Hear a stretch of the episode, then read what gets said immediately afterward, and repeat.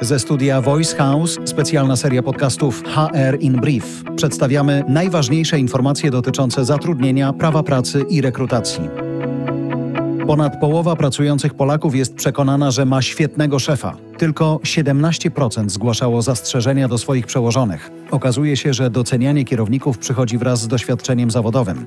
Najbardziej zadowoleni są pracownicy ze stażem od 2 do 5 lat. W tej grupie aż 60% respondentów pozytywnie ocenia swojego menadżera.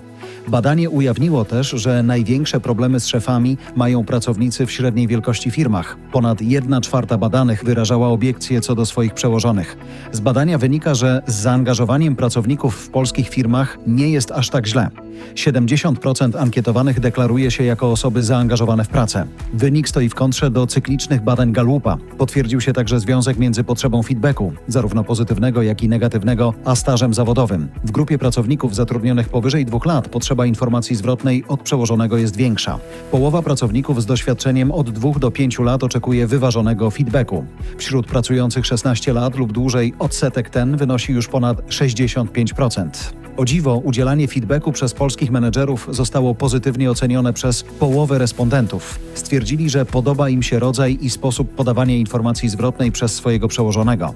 Większość badanych oczekuje, że szef będzie zwracał większą uwagę na ich mocne strony. Mniej osób preferuje korygowanie błędnych działań. Aż niemal 57% Polaków czuje, że szef szanuje ich opinię i bierze ją pod uwagę przy podejmowaniu decyzji. Badanie przeprowadziła firma Life Career na grupie tysiąca osób. W Ministerstwie Finansów trwają intensywne prace nad nowelizacją Polskiego Ładu w odniesieniu do składki zdrowotnej. Eksperci resortu zamierzają ściśle powiązać wysokość składki zdrowotnej z przychodem przedsiębiorcy. W ten sposób składka byłaby kalkulowana niezależnie od kosztów działalności gospodarczej. Zmiana obowiązywałaby od stycznia 2025 roku. Szykują się zmiany w przepisach dotyczących dofinansowania okularów dla pracowników. Pracodawcy od dłuższego czasu postulują ich rewizję. Chcą ograniczenia tego obowiązku wyłącznie do zakupu szkieł specjalistycznych. Zgłosili takie zastrzeżenia do projektu nowelizacji rozporządzenia w sprawie bezpieczeństwa i higieny pracy na stanowiskach wyposażonych w monitory ekranowe. Z nieoficjalnych informacji z resortu pracy wiadomo, że obowiązki pracodawców będą mogły dotyczyć również soczewek kontaktowych. Projekt jest na etapie uzgodnień resortowych. Sejm przyjął przepisy wprowadzające w Polsce tzw. Tak europejską emeryturę. Będzie to nowa forma oszczędzania w ramach ogólnoeuropejskiego indywidualnego produktu emerytalnego. Rozwiązanie przypomina znane już w naszym kraju IKE, czyli indywidualne konto emerytalne. Sejm zgodził się też na wdrożenie centralnej informacji emerytalnej, która zapewni łatwy dostęp do informacji o oszczędnościach emerytalnych. Można będzie je znaleźć na specjalnej platformie internetowej. Obydwie ustawy oczekują na procedowanie w Senacie. Według danych Głównego Urzędu Statystycznego przeciętny czas na poszukiwanie pracy w Polsce wynosi 8 miesięcy. Najdłużej, bo aż 11 miesięcy pracy poszukują osoby najstarsze w wieku 50. Plus. Najkrócej natomiast, bo jedynie 3 miesiące przedstawiciele najmłodszego pokolenia w wieku od 15 do 19 lat. Z raportu dostarczonego przez Centralny Instytut Ochrony Pracy wynika, że Polska zajmuje szóste miejsce w niechlubnym rankingu dyskryminacji ze względu na wiek na rynku pracy.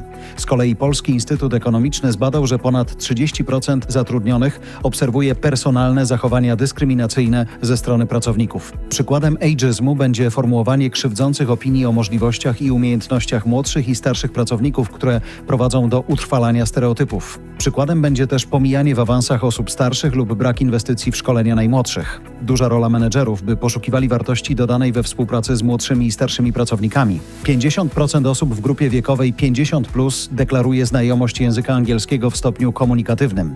74% przedstawicieli generacji Z twierdzi, że wykorzystuje automatyzację do osiągania celów zawodowych. Oni doskonale sprawdzają się w handlu, sektorze IT oraz usługach. Wysoka temperatura niekorzystnie wpływa na wydajność i kondycję psychofizyczną pracowników. W czasie upałów pracodawcy muszą zadbać o zapewnienie bezpiecznych warunków pracy.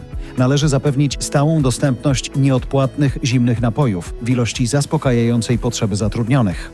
Urządzenia wentylacyjne oraz klimatyzacyjne powinny być utrzymywane w stałej sprawności i czystości.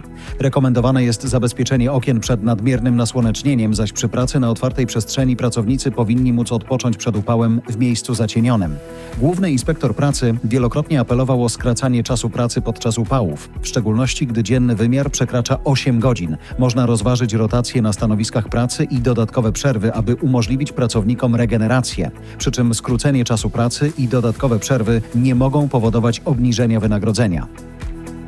Jak pokazują badania przeprowadzone na zlecenie firmy Slack, prawie 2 trzecie kierowników oczekuje od pracowników dostępności w czasie urlopu.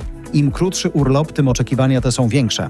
Jak deklarują menedżerowie, dotyczy to sytuacji ważnych i pilnych. Tylko co dziesiąty szef nie oczekuje od podwładnych gotowości do kontaktów w trakcie urlopu. Takie podejście powoduje, że ponad 43% pracowników zagląda do służbowej skrzynki przynajmniej raz dziennie. Dane ujawniły też wyraźną różnicę między pokoleniami. 73% pracowników do 30 roku życia stwierdziło, że są gotowi na kontakty i dostępni podczas wakacji. W grupie 50 plus taką otwartość deklarowało tylko 37%. Badani przyznawali, że mają poczucie winy z powodu tego, że koledzy pozostali w pracy podczas ich nieobecności. Stąd ich gotowość do kontaktu i chęć pomocy. Ponad 70% menedżerów deklaruje, że zachęca swoich ludzi do wyłączenia się w czasie wakacji i martwi się wypaleniem swoich pracowników. Badanie ujawnia pewien rozdźwięk. Z jednej strony szefowie oczekują od pracowników dostępności podczas urlopu, a z drugiej niepokoi ich wzrastający poziom stresu podwładnych. Trzeba przyznać, że szefom przydałoby się więcej konsekwencji w działaniu.